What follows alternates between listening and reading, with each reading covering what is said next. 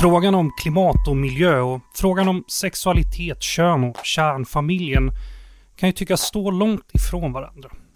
Men antigenderrörelsen och klimatförnekarna, två grupper som oftast kan hittas på högerkanten i den politiska höger-vänsterskalan, har en del saker gemensamt.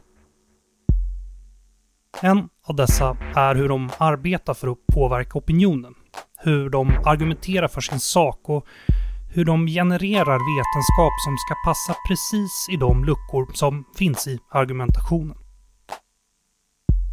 Men hur går det här till egentligen?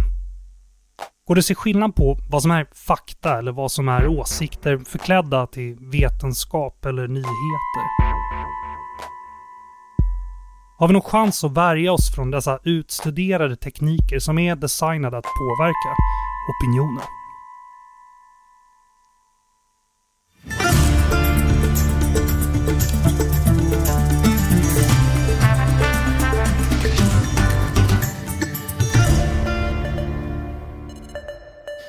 lyssnar på Utrikespolitiska institutets podd Utblick och jag heter Jonas Lövenberg. I det här avsnittet ska vi titta på tre olika taktiker som både antigenderrörelsen och de organiserade klimatförnekarna använder för att väcka misstro mot sina meningsmotståndare och för att legitimera sina egna åsikter. Allt i en kamp om något som borde vara oomkullrunkeligt, nämligen sanningen. För att prata med mig om det här har jag med mig Gunilla Reichel, seniorforskare och programchef vid Utrikespolitiska institutets program för global politik och säkerhet. Du forskar om globala styrningsfrågor och internationella institutioner främst inom miljö och energiområdena. Välkommen! Tack så mycket, det är roligt att vara här. Jag har även med mig Emil Edenborg, forskare vid samma program på Utrikespolitiska institutet. Din forskning handlar om sexualitet, genus och nationalism ur ett internationellt perspektiv. Välkommen Emil! Tack så mycket! Jättekul att ha er här. Ni håller på att jobba med en jämförelse mellan de här två rörelserna, antigenderrörelsen och klimatförnekarna och hur de använder sig av just alternativ kunskap, vilket ju är precis det vi ska prata om. Eh, men vi måste börja med några grundläggande begrepp.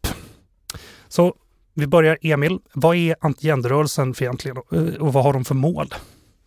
Ja, det, som, det som forskare talar om som antigenderrörelser eller antigenusrörelser är en rätt brokig samling, löst sammansatt samling eh, av olika aktörer som alla förenas av att de eh, förespråkar konservativa idéer kring familj, kring kön, kring barnuppfostran. Och mer specifikt så använder de sig av en retorik om eh, vad de kallar genusideologi eller ibland pratar man om genusteorier. Gen, eh, genusindoktrinering används ibland. I Tyskland används begreppet genderism. Och det här begreppet genusideologi började användas av eh, Vatikanen och katolska rörelser på 1990-talet som en reaktion på hur begreppet genus eller gender började användas i internationella sammanhang, alltså i FN-sammanhang. Eh, FNs kvinnokonferens i Beijing 1995 brukar ses som ett startskott här då man på FN-nivå började prata om gender equality, gender-based violence, gender mainstreaming. Och det här begreppet genusideologi används sedan av katolska rörelser i Centraleuropa, Sydeuropa, eh, Latinamerika, men har också plockats upp på senare tid av andra rörelser, av högernationalistiska rörelser, radikalhögerrörelser. Och det man menar då med genusideologi eh, här är eh, alltså det som de här rörelserna avser är att de menar att det finns skadliga och vad de menar är extrema idéer om kön som de menar har drivits igenom av feminister, av hbtq-rörelsen och att de här idéerna nu pådyvlas vanligt folk på olika sätt. Och särskilt kontroversiell eller särskilt motsätter man sig idén om kön som en social konstruktion, alltså att vad som uppfattas som manligt, kvinnligt eh, idag är någonting som eh, förändras och varierar över tid och rum och som också påverkas av kulturella normer, samhälle, politik snarare än att det är någonting som är liksom biologiskt fastnaglat eh, helt och hållet eh, och, och, på det sättet liksom evigt och naturligt. Och man menar att den här idén är någonting skadligt för barns och ungdomars utveckling men också mot familjen, förlängningen mot samhället. Vad är klimatförnekarna för några och vad har, de, vad har den rörelsen för, för mål? Ja, om man tittar på äh, förnekelse av klimatförändringar så handlar ju det om förnekelse av dels att det pågår en uppvärmning överhuvudtaget, dels att människan bidrar till den här uppvärmningen och dels att effekterna av uppvärmningen blir negativa. Så det är så man kort kan sammanfatta klimatförnekelse. Äh, sen så finns det ju väldigt olika former och det finns olika kontexter och det ser olika ut i olika sammanhang och olika länder. Men och där kan man ju säga att mycket av forskningen har ju tittat på hur, vilka individer det är som, eh, som liksom är mest benägna att vara klimatförnekare. Men det som vi jobbar med det är ju mer eh, de här eh, liksom nätverken som finns och de större liksom sammanhangen där klimatförnekelse är mer som ett politiskt medel eller ett politiskt verktyg. Och eh, det här har ju varit mest förekommande i de anglosaxiska länderna. Eh, men även nu de senaste, ja, det senaste årtiondet så har man ju sett då att eh, högerextrema, högerpopulistiska partier i Europa och även i, i Norden eh, har plockat upp klimatförnekelse som en del utav deras verktygslåda och gjort det till sin politiska agenda. Och det som sättet man arbetar på det, det är ju då att man man liksom sprider felaktiga slutsatser om det aktuella forskningsläget och försöker så split genom det. Och eh, också tvivel om människans påverkan. Eh, så of, ofta finns det också en slags politisk övertygelse som man kan hitta i retoriken bland de här grupperna om att, att det, liksom, det är inte är meningsfullt att verka politiskt eller göra klimatpolitiska åtgärder. Eh, och, och själva målet, det är ju på något sätt som vi kommer att komma tillbaka till lite längre fram. Men det är ju att utmana det här vetenskapliga konsensus som finns kring klimatförändringarna. Och det är där man egentligen alltid har jobbat som klimatförnekare, att försöka då att mena på att det är en större osäkerhet än vad det egentligen är. Uh, och, och, det här gör man då för att skapa en slags inaktivitet och att fördröja politiska åtgärder. Så det är så kan man beskriva det. Båda de här exemplen som ni kollar på befinner sig på högerkanten i den, den traditionella politiska höger-vänsterskalan. Men vad finns det för exempel i andra änden, då, ute på vänsterkanten? Ja, det finns exempel på eh, alltså på också på vänsterrörelser som har anammat den här retoriken och som anammar och förespråkar konservativa idéer kring kön och sexualitet. Eh, Sydamerika är ett exempel. I Ecuador och Mexiko så har vänsterrörelser eh, varit emot och pratat om genusideologi. Rumänien är ett annat, ett annat exempel där bland annat socialdemokrater har drivit den här eh, idén och man röstade nyligen igenom ett förbud för universitet i Rumänien att undervisa i teorier som säger att genus är något annat än biologiskt kön. Ryssland är ett annat exempel där också det gamla kommunistpartiet eh, liksom ställer upp på Putin-regimens liksom, sexual eller konservativa linje. Så det finns ett antal sådana exempel. Jag skulle säga att klimatfrågan traditionellt, det är en mm. väldigt svår fråga för högernationalister, populister, extrema högerpartier. För just den här typen av nationalism, den krockar ju med klimatfrågans väldigt globala, gränsöverskridande karaktär. Mm. Och just det här liksom behovet av samarbete, internationellt samarbete. Och dessutom så eh, väldigt centralt för klimatfrågan så är ju rättvisefrågorna också, vilket inte heller alltid ligger så nära just den typen av eh, nationalism då, som, som de här partierna förespråkar, eller de politikerna. Eh, så vad jag vet så finns det ju ingen formell vänsterrörelse som ägnar sig åt regelrätt klimatförnekelse. Däremot så finns det ju individer som har, alltså på mm. vänsterkanten, som, som kan vara emot just själva klimatomställningen och effekterna av klimatomställningen, där man då hamnar utanför vissa system. Man kanske drabbas hårt av bensinskatter till exempel. Man kanske är med på den här anti-etablissemang, eh, anti-elitism, eh, eh, liksom resonemanget kring det. Och och då, då kan man ju se det på det sättet. Men en annan sak som kan vara lite intressant, även om det inte är exakt den frågan, det är ju att det är värt att notera att en hel del av de här, eller hel del, men vissa i alla fall, högerextrema och populistiska partiers ungdomsförbund, de argumenterar ju numera för en aktiv klimatpolitik i direkt opposition då mot sina moderpartier. Mm -hmm. Och, och det här speglar ju lite den här, liksom, hur klimatförnekare ofta tenderar att tillhöra, vilka grupper de tillhör. Och det är ofta då att det är äldre personer snarare än yngre. Det är oftare män än kvinnor. Det är oftare eh, konservativa, politiskt lutande än snarare än reformistiska. Så det, det, visar ju på det, på det sättet med den frågan. En annan del av det här problemet vi pratar om är grundförståelsen för vad begreppet sanning och kunskap egentligen betyder. Så jag hörde av mig till filosofiprofessor Åsa Wikfors för att få lite hjälp. Hon har skrivit en uppskattad bok som heter Alternativa fakta om kunskapen och dess fiender. Hon är också ledamot i Svenska Akademin och sitter på stol nummer sju för den som undrar. Vi lyssnar.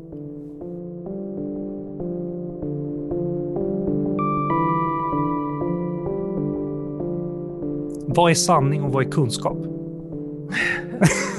ja, det är ju stora filosofiska frågor som har diskuterats ända sedan antiken. Då. Eh, men det finns en syn på kunskap som är väldigt väl etablerad inom, inom filosofin och eh, som jag håller mig till i min bok när jag skriver om det här. Eh, och det är den traditionella idén då att för att ha kunskap så måste tre saker finnas på plats, åtminstone då. Om jag ska veta någonting om, säg arbetslösheten i Sverige, då måste jag tro någonting om det för det första. Om jag inte tror någonting i frågan, då kan jag inte veta det. Eh, men att man tror någonting i en fråga räcker ju inte för att man ska ha kunskap, för det man tror kan vara helt uppåt väggarna. Så det jag tror måste också vara sant för att det ska utgöra kunskap. Men sen var ju redan Platon tydlig då med att det krävs en sak till, en tredje sak för att man ska ha kunskap. Därför att det händer ju att vi säger eller tror saker som råkar vara sanna. Vi drar till med någonting, vi gissar utan att vi har några som helst skäl för våra, eh, våra övertygelser. Eh, om jag drar till med att eh, arbetslösheten skulle vara säg 11,2 procent, jag har ingen aning om vad den är.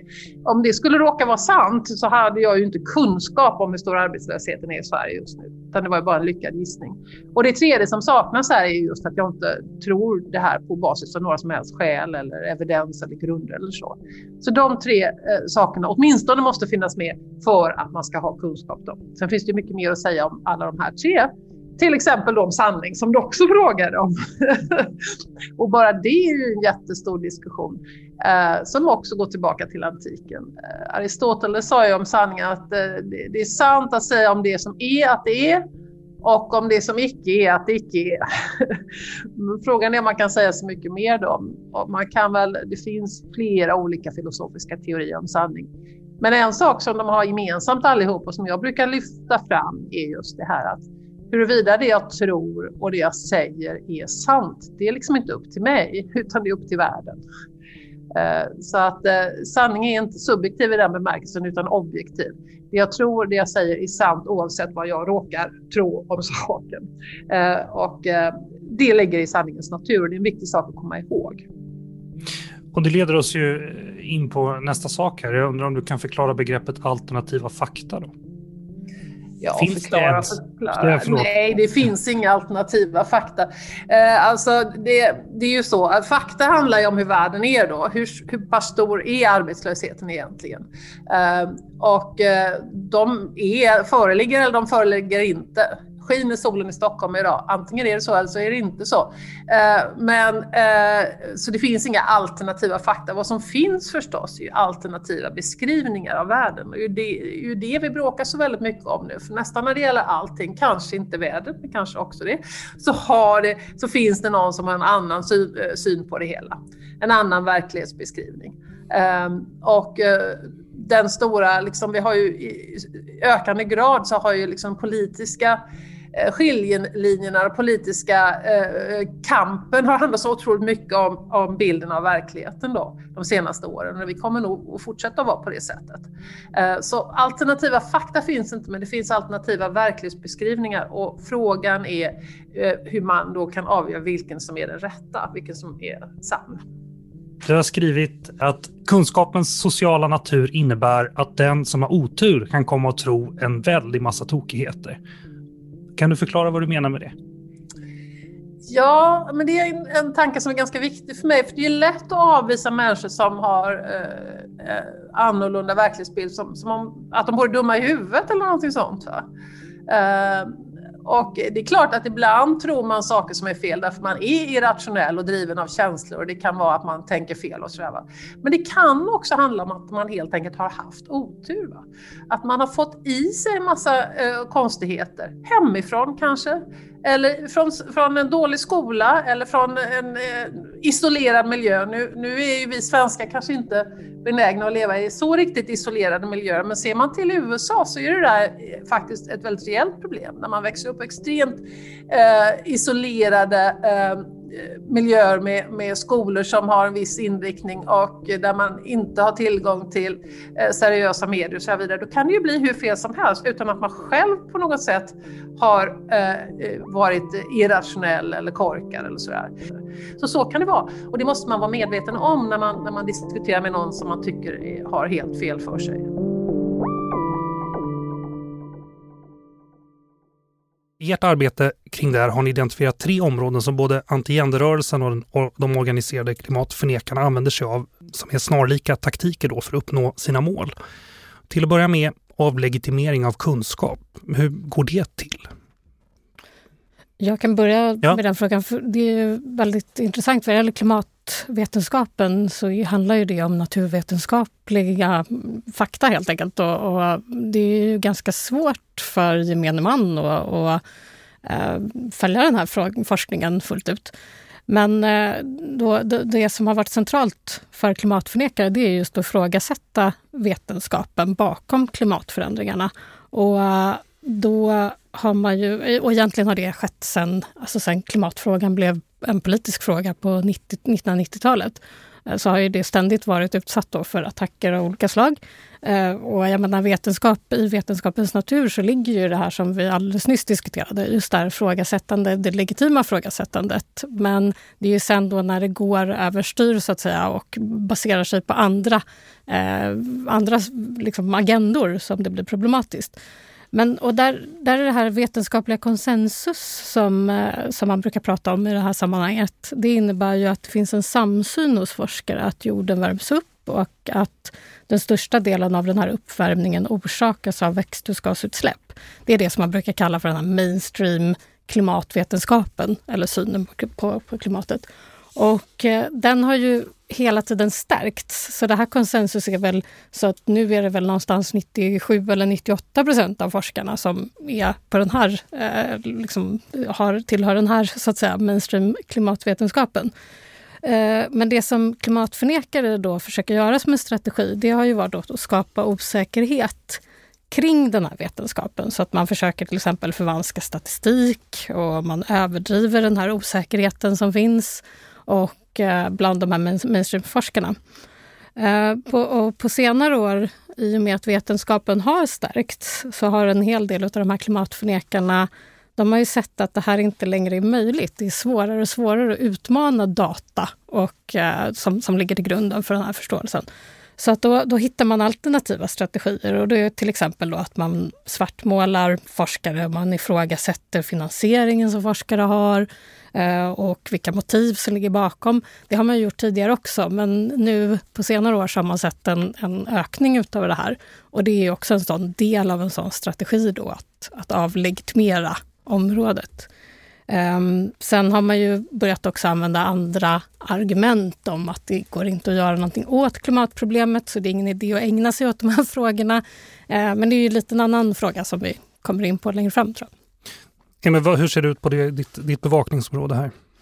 Ja, det är ju ett väldigt annorlunda kunskapsfält mm. eh, om vi pratar om liksom, vetenskaplig forskning eller kunskapen om, om genus, om kön, om eh, skillnader, om ojämlikheter som hänger ihop med, med, med kön. Det är ett väldigt brett forskningsfält eh, som innefattar såväl samhällsvetenskap som humaniora som naturvetenskap. Och det finns ingen, alltså till, skillnad från klimatvetenskapen så finns det liksom ingen, man kan inte prata om en samsyn eller en konsensus eller ens en liksom enhetlig kunskapsgemenskap eller kunskapssamhälle här.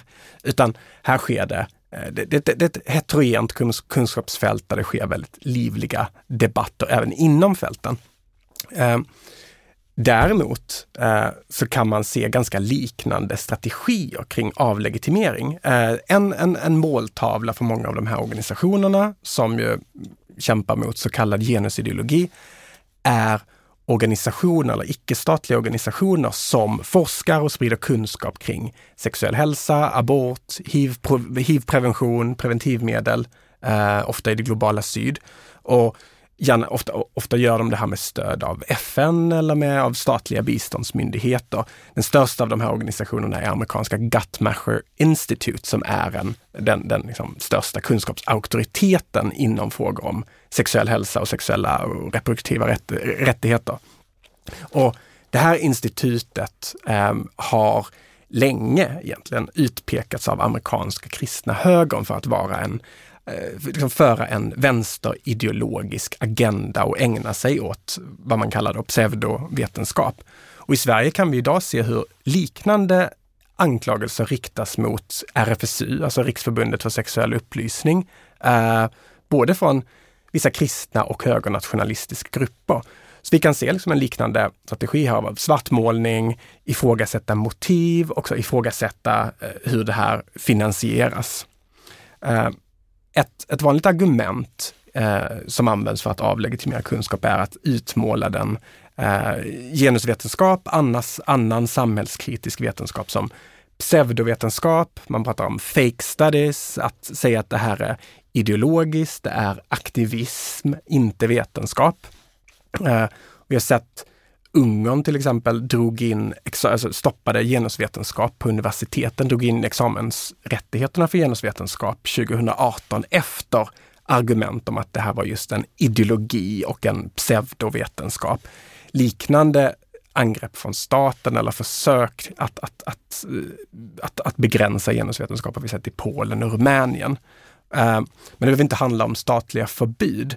Det finns andra exempel som tar sig lite andra uttryck. I Danmark så var det bara någon vecka sedan som danska riksdagen, alltså Folketinget, gjorde ett uttalande som sa åt universiteten att de skulle begränsa vad man kallade aktivistiska och politiska inslag inom, inom forskningen. Uh, det här var en fråga som hade väckts av Dansk Folkeparti, det högerradikala partiet i Danmark, mot bakgrund av en debatt just mot genusstudier och postkolonial teori, som då hade beskyllts för att vara just pseudovetenskap. Och det här är någonting som väckte, det här uttalandet från danska folketinget väckte stor, starka reaktioner i det danska folk, for, eh, forskarsamhället som menar att det här är ett angrepp på forskningsfriheten.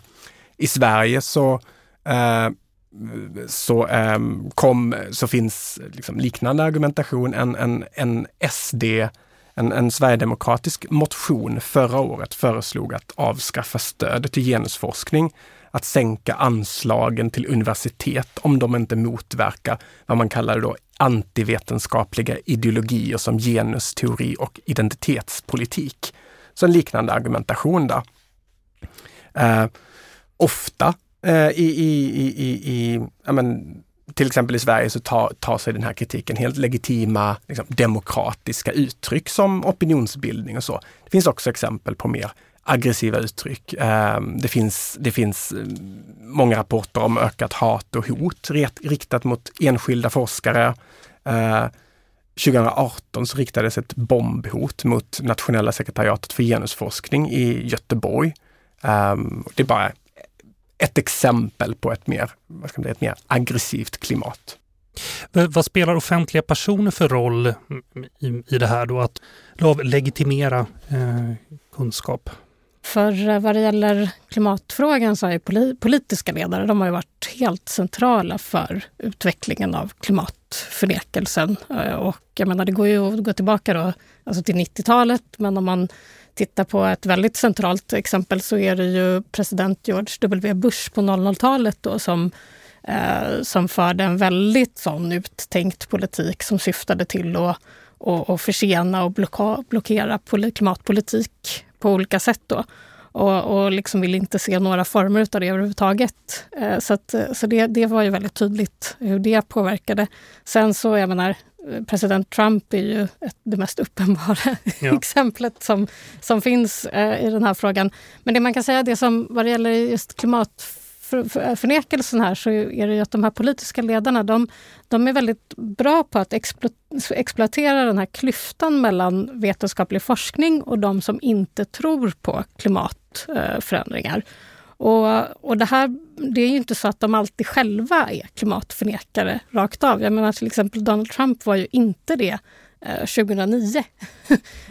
Men, men blev det sen för att man hittade det som en politisk strategi. Och då har man ju varit väldigt framgångsrik att definiera klimatförändringarna som en del av det som man kallar den korrupta elitens agenda som står i direkt motsats då till folkets intresse.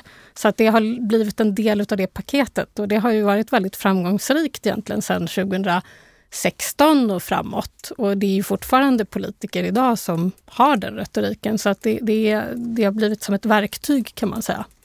Emil, hur ser det ut? Eh, Ja, men man kan se en, en, en absolut en liknande retorik om den korrupta vänsterliberala eliten gentemot det vanliga folket i, även i fallet antigenusrörelser. Och även där har, är, ska jag säga, eh, högerpopulistiska ledare ofta drivande i många fall. Inte alla, men vissa. Eh, Bolsonaro, pre, eh, Brasiliens president, är ett bra exempel som liksom, genom sin presidentkampanj eh, men också under sin presidenttid har Eh, liksom, utpeka sig och utmåla sig som en ledare för ett sorts korståg mot vad han menar är vänstervridning, kulturmarxism och ideologisk indoktrinering på universiteten. Och, och, och, och då är just eh, liksom, anklagelsen om genusideologi någonting som han återkommer till. Eh, Italiens Salvini, Frankrikes Marine Le Pen, andra exempel på, på högerpopulistiska politiker som använder, som, som säger sig vilja bekämpa genusteorier. Vad spelar media för roll när det gäller att avlegitimera kunskap? Då? Alltså media är, är ju en, en, en jätteviktig del av möjligheten att sprida och, och liksom utveckla de här idéerna. Eh, då kan man både se på traditionella medier, alltså som, som tidningar, eh, hur eh, liksom opinionsbildning, ledarsidor kan användas. Om man tittar eh, i Sverige, en väldigt enkel sökning i mediearkivet som tittar på då, tryckt press i Sverige, så kan man se att 2018 så skedde det en explosion, alltså en väldigt skarp ökning av orden genusideologi, genusflum i svenska eh, medier. Alltså som på något sätt avspeglar hur ja, den här retoriken fanns i de här traditionella medierna. Men framförallt så är väl det här någonting som väldigt mycket sparas och, och, och, drivs genom sociala medier som Twitter, Facebook och Youtube. Uh, och då, eh, sociala medier har ju väldigt mycket den, den, den um, funktionen att, att, att skapa filterbubblor, alltså bubblor där vi utsätts för mer och mer av en liknande retorik och skapar en, på det sättet en sorts uh, parallella verkligheter. Och ofta förekommer det ett väldigt högt också känsloläge i mm. de här. Man kan titta på så kommentatorsfält som handlar om det, eh, hbtq-frågor eller eh, feminism eller eh, genusfrågor. Det är ofta ett oerhört aggressivt samtalsläge i de här kommentatorsfälten. Ja, ja, vad det gäller klimatförändringarna så är det ju exakt samma då i det här bredare medielandskapet och med sociala medier och olika typer av plattformar. Så, så det är ju exakt på samma sätt, det är ju samma strategier. Eh, men tidigare så har ju framförallt de här etablerade mediernas princip om att balansera olika perspektiv. Det, det är ju en väldigt hedervärd princip på många sätt, men den har ju kan man säga, drabbat klimatfrågan för att man då eh, liksom använde det här som ett sätt där man presenterade det som att det fanns två stycken legitima perspektiv på en fråga Ehm, på en vetenskaplig fråga. Men det här blev ju då väldigt skevt för istället att debattera frågan mellan forskare och forskningsläget så blev det en klimatförnekare som står för typ 2 av, mm. av världen och eh, då mot en klimatforskare som står för 98 procent.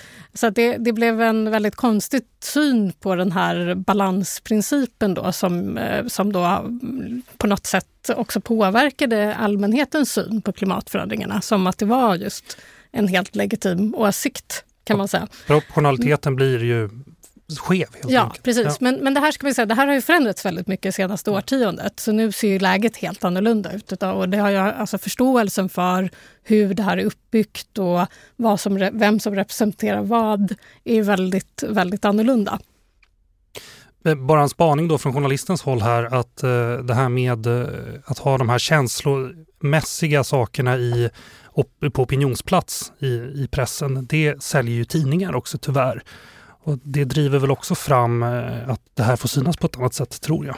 Det tror jag absolut. Är, I många fall kan det handla om liksom ren klickbete. Ja, och det är lurigt ju mm. för, för pressens trovärdighet. Vi ska vidare till nästa taktik. Vi pratar om att det finns tre taktiker ni har tittat på här. Um, och det uh, för att ge uh, det här en etikett så har ni kallat det produktion av egen kunskap. Alltså de här rörelserna uh, ser till att hitta kunskap som passar deras argument. Men hur går det här till egentligen? Ja, alltså det är viktigt för de här rörelserna och, och, och då är, jag har tittat på eh, antigenusrörelsen att, att, att underbygga sin argumentation inte bara religiöst, alltså med religiösa argument, utan också visa eller säga att man har vetenskapen på sin sida, att man har kunskapen på sin sida. Alltså att ut, utmåla sig själv som att jag är inte mot kunskap, utan jag är, jag är på kunskapens sida. Det är jag som har liksom kunskapen bakom mig. Eh, en rapport eh, som kom för några år sedan visade, eller, visade att det fanns ungefär 500 icke-statliga organisationer i Europa som har en liksom socialkonservativ agenda och som fokuserar specifikt på sexualpolitiska frågor. Och en del av de här eh, organisationerna sysslar specifikt med just kunskapsproduktion. De eh, har tankesmedjor, de gör utbildningar för att förse liksom, politiker med kunskapsunderlag. Några exempel på sådana organisationer är på, på en EU-nivå, eh, European Dignity Watch eller nätverket Agenda Europe, exempel på så konservativa eh, organisationer som också sysslar med kunskapsproduktion. Inom den amerikanska kristna högern kan vi också se hur abortmotståndet eh, också i allt högre grad vill framställa sig som, ett, som, som, som vilande på vetenskapliga argument. Och kristna och kristet sponsrade organisationer som till exempel CFAM, som är en, sån här, mm, en, en, en, en katolsk organisation knuten till kristna högern i USA, eh, gör just forskningssammanställningar, policy briefs, anställer forskare som då ger intellektuellt stöd för antiabortpositioner. Eh, det finns katolska intellektuella i Europa eh, som föreläser om till exempel hur sexualundervisning och hur genuspedagogik skadar barns naturliga utveckling. Eh, forskaren eh, Elsbieta Korolchuk eh, tittar specifikt på Centraleuropa och hur det här, den här kunskapsproduktionen eh, av eh, antigenusrörelser sker där. Och hon har visat att alltså den här retoriken då om att universiteten är en plats för vänsterindoktrinering eh, har lett till att en del av de här konservativa rörelserna vill etablera och har etablerat parallella eh, akademiska institutioner. Så det är forskningsinstitut som finansieras av ultrakonservativa och ger, vetens ger vetenskaplig auktoritet till till exempel de som argumenterar för att förbjuda abort och liknande. Vi ser också i allt högre grad hur sekulära högernationalister i Västeuropa grundar tankesmedjor just för att ge intellektuell tyngd åt sina argument och universitet och kultur i, bredare mening ses som ett viktigt slagfält för de här rörelserna. Miljö, hur ser det ut på miljöfronten då? Ja, alltså, här finns det ju flera paralleller mellan de här två olika ja. områden och eh, där kan man säkert se att Eh, just klimatförnekelse har legat till grund för hur, hur andra områden bygger upp sin kunskapsspridning. Eh, I den amerikanska eh, förnekarkontexten finns det stora resurser, alltså väldigt stora resurser. Och forskare som har forskat på det här, de kallar det här för förnekelsemaskinen. Så det är, det är alltså välfinansierade nätverk där tankesmedjor, politiker, mediebolag och andra ingår. Och de här tankesmedjorna de finns till, stora, till största delen i USA, men det finns även utposter i andra delar av världen och andra länder. Och eh, just de, då, de har ju varit centrala i utvecklingen av den här så kallade motkunskapen och, och har ju då arbetat med samma metoder som tobaksindustrin eh, gjorde då långt tidigare. Så man lär ju hela tiden av tidigare områden. Därför är det säkert troligt att eh, andra fält lär av klimatförnekelsen. Jag, jag, tycker det som är intressant att fundera här, det är just den här politiseringen av vetenskap och mm. hur man tänker kring det. Där kommer ju det här eh, som jag var inne på tidigare, just det här ifrågasättandet av vetenskap. Det är ju en del av vetenskapliga, den vetenskapliga praktiken och så som vi jobbar. Eh, och det är ju också så, alltså grundsynen för vetenskap det är ju att ifrågasätta eh, en samhällsutveckling till exempel. Och det är så man kommer vidare och det har ju alltid varit en del utav ett sätt, eller liksom det vetenskapliga förhållningssättet. Så därför så blir det ju lite knepigt när man diskuterar de här frågorna om vad som är kunskap och vad som inte är kunskap. Var går gränsen för vad är det rimliga ifrågasättandet? Vad är det legitima ifrågasättandet? Och det är väldigt intressant, svårt att svara på. Men det finns ju en sak ofta i de här frågorna som vi diskuterar. Det är ju att det ofta är kopplat till någon typ av, alltså det här frågasättandet är kopplat till någon form av agenda. Alltså en politisk agenda. Det är ofta att man, är, man har ofta någon slags cynism kopplat till att exploatera de här frågorna, så som jag pratade om förut.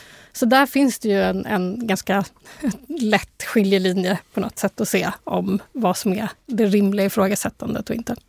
Ja, nej, jag tycker det är jätteintressant det du tar upp här. Om, eh, för, för det är också så med, liksom, när vi pratar om politisering av kunskap, att det är såklart så att all kunskap, all vetenskaplig kunskap, såväl naturvetenskaplig som samhällsvetenskaplig eller humanistisk, framställs i ett visst politiskt sammanhang. Den eh, liksom, finansieras oftast politiskt. Regeringen anger vissa liksom, prioriterade områden. På det sättet så är ju all vetenskaplig kunskap politiserad eller där det finns en politisk styrning. Den är inte fri från politisk styrning utan svårigheten här är snarare att att, att, att, att identifiera vilka typer av politisk styrning eh, är liksom i strid med en akademisk frihet. Och då skulle jag säga att om staten säger att ni kan inte, få, ni kan inte använda er av den här teorin eller det här ämnet, ni kan inte komma fram till det här resultatet. Det Eh, är, är, är, betydligt mer problematiskt för den politiska friheten. Eh, eller för, förlåt, den akademiska friheten. Men, men all forskning sker ju i ett politiskt sammanhang. En ytterligare intressant aspekt här, kanske inte rakt av, men det är just hur man ser den här kopplingen mellan alltså värderingsfrågor och eh, vetenskap. Hur hänger de ihop? Och eh, alltså där liksom att man ofta ser just vad det gäller de här områdena som vi pratar om, att det finns en övertygelse om att man har rätt i sin uppfattning. Och det gör då att ytterligare information och ytterligare kunskap, ytterligare vetenskap, det går inte in för att det passar inte med ens världsbild. Uh, och, och, då spelar det liksom ingen roll, den här vetenskapliga liksom, forskningen. Det spelar ingen roll vad den säger. Den, eh, den tredje taktiken ni har identifierat är, är när det kommer till när det är spridningen av kunskap. Vad, hur går det till? Mm. Eh, då kan man titta på olika, olika taktiker som är delvis liknande mellan de här två olika rörelserna. Eh, vi har lobbyverksamhet i, i, i, bland, i EU, i FN, där konservativa organisationer eh, liksom lobbar eh, för abortförbud, mot hbtq-rättigheter, mot eh, lagstiftning, mot, eller mot, mot insatser mot eh, könsbaserat våld och liknande. Så organisationer, konservativa organisationer eh, stödda av kristna rörelser ger till exempel kunskapsunderlag till konservativa rörelser, hjälper olika eh, olika länder eh, som styrs av konservativa rörelser att, eh, att, att, att samordna sig. Um, ett exempel. Eh, sen finns det också exempel på organisationer, icke-statliga organisationer Eh, som fungerar som en sorts samlingsplatser för olika konservativa aktörer. Och det bästa exemplet på det är World Congress of Families som är en högerkonservativ organisation som grundades genom ett samarbete mellan den, rys- den, den, den, den, amerikanska kristna högern och ryska ortodoxa intellektuella på 1990-talet. Och man har stora sammankomster varannat år som idag samlar Uh, då man pratar om, då man har föredrag och, och med mera kring familjevärlden, kring genusideologi, kring hbtq, kring samkönade äktenskap som ett hot mot, mot familjen och mot barn. Och de här stora konferenserna samlar idag religiösa rörelser som såväl katoliker som ortodoxa och evangeliska kristna, men också sekulära högernationalister som Orban, Salvini med mera. Sen finns det också Eh, många av de här rörelserna driver egna medieplattformar som sysslar med liksom, opinionsbildning till exempel, gör eh, liksom, namnunderskriftskampanjer mot sexualundervisning eller mot samkönade äktenskap. Måste man förklä, liksom, för att sprida kunskapen, måste den liksom förpackas på något speciellt sätt?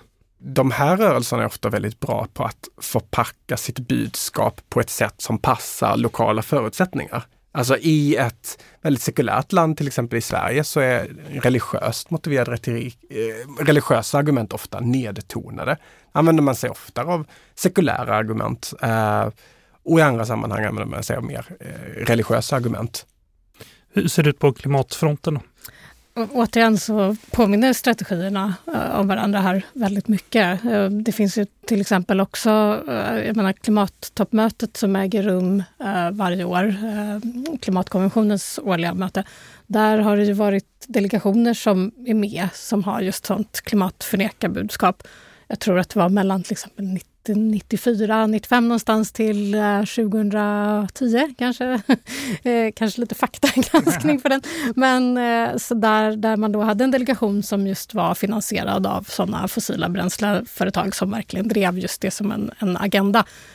och, och liksom försökte driva in en kil i den här debatten genom att då försöka uppnå det här målet med att, att sprida tvivel kring klimatvetenskapen och just propagera för den här idén om att kunskapsläget är oklart. Eh, så det var ju en sån en strategi eh, som man använde där, som påminner om det som Emil berättade. Sen är det klart att man kommer tillbaka till det här med att just att skriva rapporter, eh, arbeta med ledare till exempel i tidningar, skriva böcker, kommentarer, liksom bara med, ha egna medieplattformar.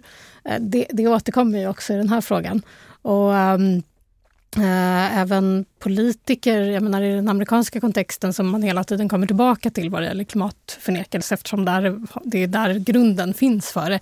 Där, där har ju framförallt då liksom politiker då kunnat, som har varit, haft i alla fall element av klimatförnekelse i sig. De har ju då hållit eh, tal då i kongressen till exempel och, och liksom vittnat om att det här inte är sant eh, och, och liksom försöker driva frågan där. Så att man har ju haft eh, också tillgång till väldigt liksom, kraftfulla eh, plattformar på det sättet. Men annars så påminner det väldigt mycket om varandra just i den här frågan. Hur väl eh, fungerar det här då? Lyckas de skapa osäkerhet hos motståndarsidan eller hos eh, de som eh, tror att det finns en klimatförändring? Jag skulle säga, om jag börjar så i klimatsammanhang eh, så har det här varit oerhört framgångsrikt fram tills nu egentligen, eller för några år sedan. Eh, det, det, finns ju en stor mängd forskning på det här området som just om den här förnekelsemaskinen som då, framförallt i USA ska jag säga, men även i Europa, Eh, där man då visar på hur man har lyckats att fördröja politiska åtgärder mot klimatförändringarna. Så det har ju verkligen varit en, en, en framgång eh, för, för, den, för klimatförnekarna. Idag så är det framförallt Europa och Norden som det är svårare för den här typen av lobbyverksamhet. För det var jag inne på lite tidigare, i takt med ett förändrat kunskapsläge, i takt med att vi ser konsekvenserna av klimatförändringarna så blir det, alltså det blir svårare som en politisk strategi, alltså i det här mainstream-politiska eh, landskapet. Men Sen är det klart att jag menar, man har ju alltid, alltså frågans natur är ju svår eh, också för att den, det finns en pedagogisk svårighet med att förklara klimatförändringar för eh, allmänheten. Eh, vi har ju, nu börjar vi se konsekvenserna i vissa delar av världen men tidigare så har vi ju inte kunnat observera hur klimatförändringarna ser ut, utan det är ju just ett ganska abstrakt eh, liksom, vetenskapligt fenomen där man sitter med grafer och tittar. Och det, så det har ju varit en utmaning också och därför mycket lättare att misstänkliggöra och, liksom, och därför också den här lobbyverksamheten kan på något sätt haka i det och bli mer framgångsrikt. Sen måste man också komma ihåg att klimatfrågan är en, sån, är en oerhört stor fråga. Det är mer av en process och den påverkar ju så mycket. Och, eh, så det är inte bara en fråga om förändringar utan det är någonting som griper in på alltså hjärtat av våra, alltså vårt ekonomiska system och alltså politiska system.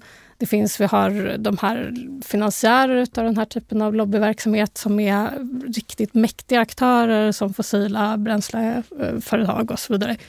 eh, som liksom äger politiker och så. Så det är klart att eh, det har varit väldigt framgångsrikt på det sättet skulle jag säga. Emil, hur ser det ut hos dig?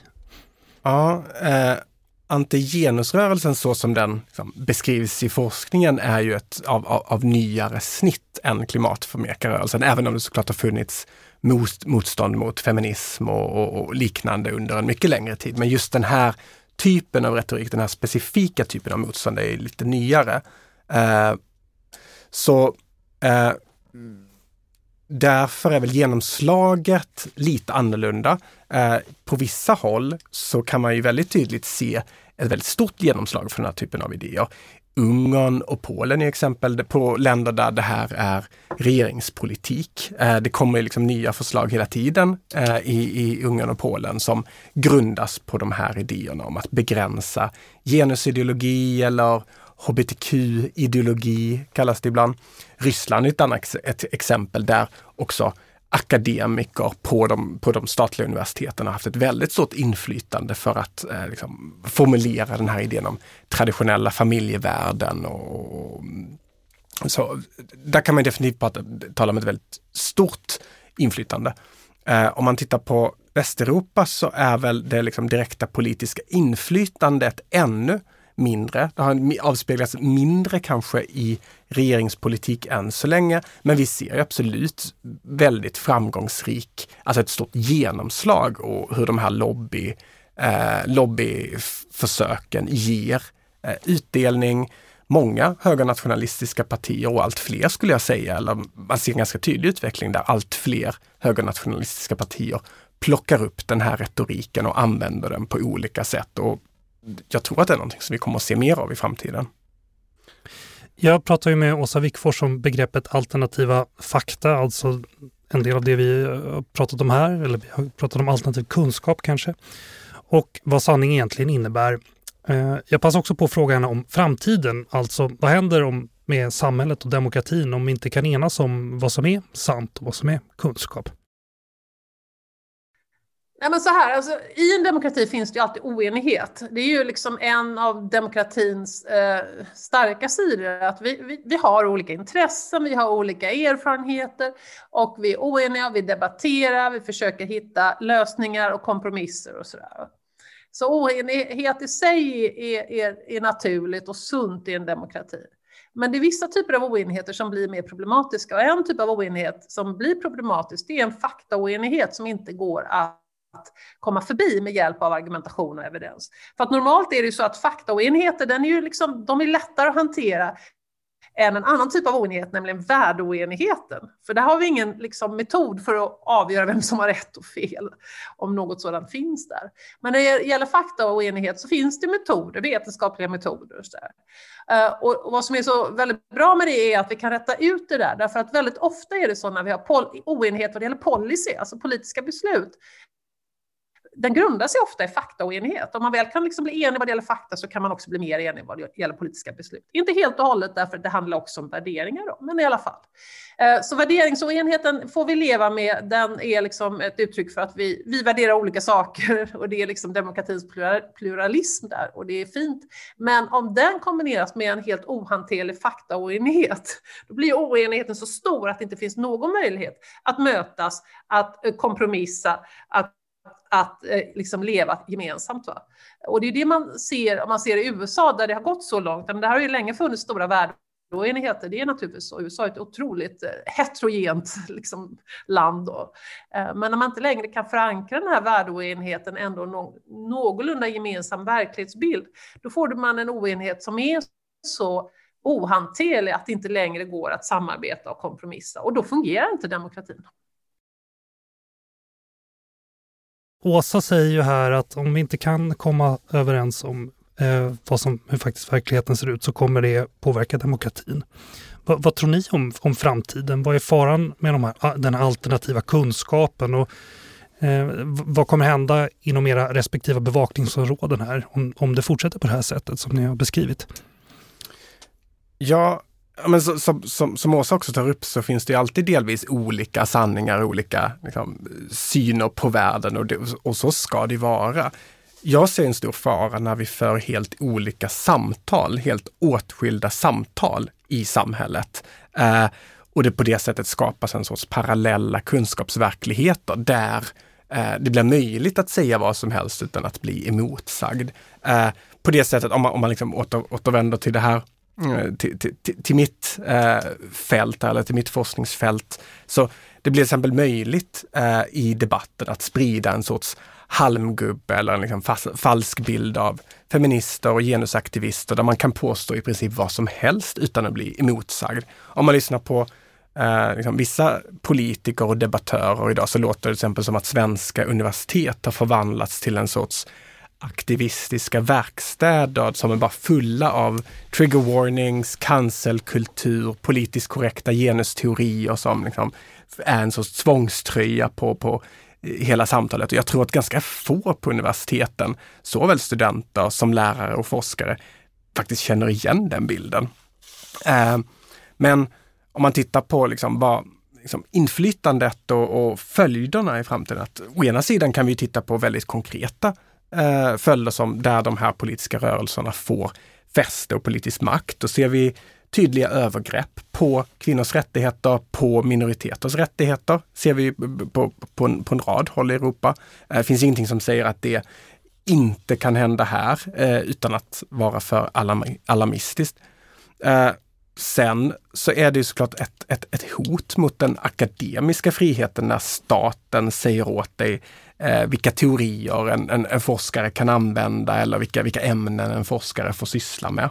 Eh, och jag tror att en mer bredare och kanske lite mer subtil konsekvens som jag skulle säga redan är här är alltså, en fara med den här stora liksom, politiska polariseringen kring kunskap är att möjligheterna till det här som eh, Gunilla tog upp, till ifrågasättande, till ett ifrågasättande kritiskt och respektfullt samtal kring de här frågorna. De möjligheterna begränsas i samhället. Eh, när du utmålas som ideologiskt driven, eh, i värsta fall möter hat och hot. Så att jag tror att det intellektuella samtalet och det liksom, demokratiska samtalet hotas i längden av det här. Jag håller med. Jag tror också att det är, en stor, ett stort problem, en stor fara. Eh, och det kommer också påverka hur vi ser på vetenskap och hur vi forskar. Eh, vad man vågar säga i vilka sammanhang. Eh, och sen också dessutom det här med att alla har liksom tillgång till en egen verklighet. Det är också oerhört problematiskt. Sen om jag tittar på på klimatförändringarna och, klimat och liksom framtiden för just klimatförnekelsen så är det ju lite som kanske har varit en linje i det jag pratat om, så händer det ju mycket på klimatområdet som förändrar kontexten för klimatförnekelsen. Och, och där är det ju så, jag menar, eh, liksom klimatförändringarna och även omställningsfrågorna är ju, det är ju så pass etablerat på internationella, eh, internationella och nationella politiska agendor. Och dessutom så har vi nu en amerikansk president som, är, som tar klimatfrågan på största allvar. Och, och det här liksom gör väl lite att den här, liksom om man pratar om någon slags förnekelsenätverk, i plural då, så nätverken, Eh, att de, de har inte samma kraft som under Trump och andra utav de här högerpopulisterna. Samt, så, att det, så det kanske sker möjligen en viss avmattning i alla fall på den här liksom, retoriken då, som man ser i eh, liksom mainstream media och så. Men, eh, men samtidigt så, jag menar det var ju Polens president nyligen som, som, som då kopplade sitt försvar av den inhemska kolindustrin till en väldigt så här, nationalistisk kritik mot EUs, EUs klimatåtgärder. Och, så, att, så det finns ju hela tiden där som, som en strategi att använda det här. Um, men, eh, men, men det är väl lite liksom de här mest extrema förnekarpositionerna. De är inte riktigt lika gångbara i de flesta politiska miljöer skulle jag säga. Eh, så man skiftar ju strategier och nu så börjar man ju prata om, jag menar till exempel i Storbritannien så har man ju den här ehm, ehm, alltså kritiken mot deras, vad de kallar gröna industriella revolution från konservativt håll. Eh, vi har också kritik mot EUs den här gröna given och alla de här pandemiåtgärderna som innehåller klimatåtgärder eh, i de paketen får ju också väldigt mycket kritik. Nu är inte kritik samma sak som klimatförnekelse men det finns ju även just att man, man drar ganska hårt på den kritiken i vissa läger. Så det är möjligt att det är det som liksom blir den strategin istället. Så att om man, om man vill fortsätta då argumentera mot klimatåtgärder, mot klimatsamarbete, så, så använder man andra typer av strategier. Och, och, det som jag tror vi kommer att behöva göra det är att vi behöver öka kunskapen om det och vi behöver analysera de här strategierna och, och liksom forska om dem. Eh, sen tycker jag att det är intressant också att se att jag studerade lite olika Eh, sådana högerextrema partiers retorik kring de här frågorna. Ganska nyliga retorik runt 2019. Och då ser man, så även om den här kontexten gör att det inte är, är särskilt gångbart att använda klimatförnekelse eller vetenskapsförnekelse så glider de hela tiden tillbaka i den retoriken. Så även om man säger så att ja, vi tror på eh, vetenskapen men så, så har man lite tveksamhet kring det. Så det finns ju på något sätt kvar en kärna utav det här som är väldigt viktig och, och liksom också hålla eh, koll på, tänker jag. Gunilla Reichel, seniorforskare och programchef vid UIs program för global politik och säkerhet. Emil Edenborg, även du forskare vid GPS-programmet på UI. Tack för att ni kom. Tack, Tack så, mycket. mycket. Du har lyssnat på Utblick, Utrikespolitiska institutets podd. Glöm inte att klicka på prenumerera-knappen i appen där du lyssnar på oss. Om du vill läsa mer om Åsas resonemang kring kunskap och demokrati ska du kolla in hennes bok Alternativa fakta, men också hennes helt nya bok som kom nu i juni i år, Därför demokrati, båda utgivna på förlaget Fri Tanke. Jag kommer även prata om just demokrati med Åsa i ett avsnitt som kommer i sommar, så håll utkik efter det. Om du vill läsa mer om institutets forskning och omvärldsbevakning titta in på ui.se. Tekniken sköttes av Raul Berggren Ek. Vår vignett har komponerats av Frid en Frid. Jag heter Jonas Lövenberg. På återhörande.